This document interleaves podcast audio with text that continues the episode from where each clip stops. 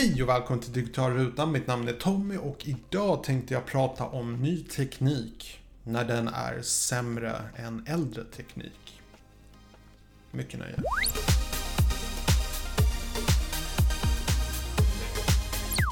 Det jag främst tänker på när jag pratar om ny teknik som är sämre än gammal teknik. Det, man, det är när man gör saker bara för att bara för att få till en förändring. Bara för att göra någonting nytt som är häftigt, men som egentligen inte är bättre. Till och med sämre. Och då tar jag som exempel, och det är till exempel iPhone 10, eh, som har ansiktsigenkänning istället för Touch ID.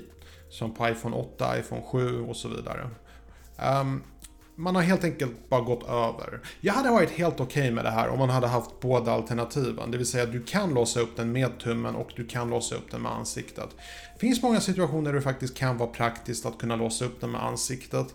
Men för det mesta så tycker jag att ansiktsigenkänning, oavsett hur snabbt den är, vi får ha i åtanke att det här är första generationen, absolut, men det är fortfarande mycket långsammare än Touch ID. Jag menar, det går fortare för mig att ta ut min telefon ur fickan samtidigt som jag trycker på en knapp och så BAM, den är redan öppen när jag tar fram den till ansiktet.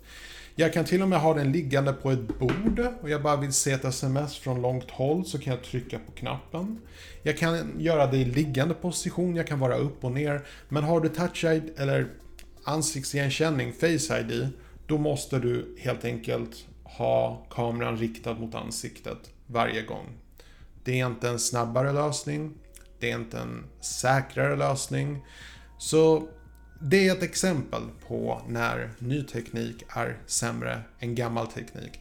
Det finns många andra exempel också. Jag tar ofta upp Apple för det är de som försöker få till förändringar. Ibland är de bra, ibland är de dåliga.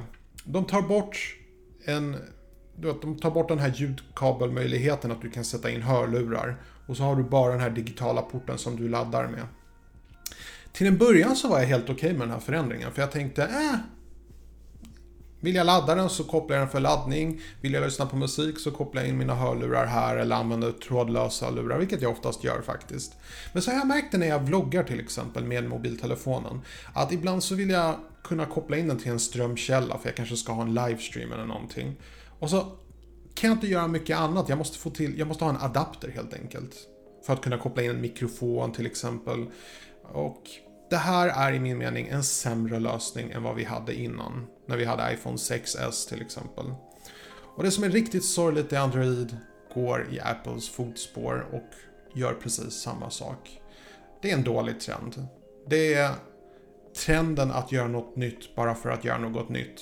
I min mening är det helt poänglöst. Jag tycker man borde sluta upp med den trenden. Jag tycker att man borde genomföra förändringar bara när det verkligen är praktiskt. Men tyvärr så har Apple rätt. Nytt är vad som krävs för att vi ska vilja byta mobiltelefon. Många tippade på att iPhone 10 eller iPhone X skulle sälja riktigt dåligt. Men tvärtom har det blivit den mest sålda telefonen. Och det tycker jag är synd. Att kvartal 1 har visat helt enkelt att det är den mest sålda iPhonen. Jag, jag tycker det är synd. För du har egentligen en telefon med sämre eh, möjligheter. Visst, den har, eh, det har det här med bezeless och det har det här med att eh, den har en OLED-skärm för första gången på en iPhone. Fantastiskt toppen och så. Men ansiktsigenkänning, det är inte bättre. Det är bara annorlunda.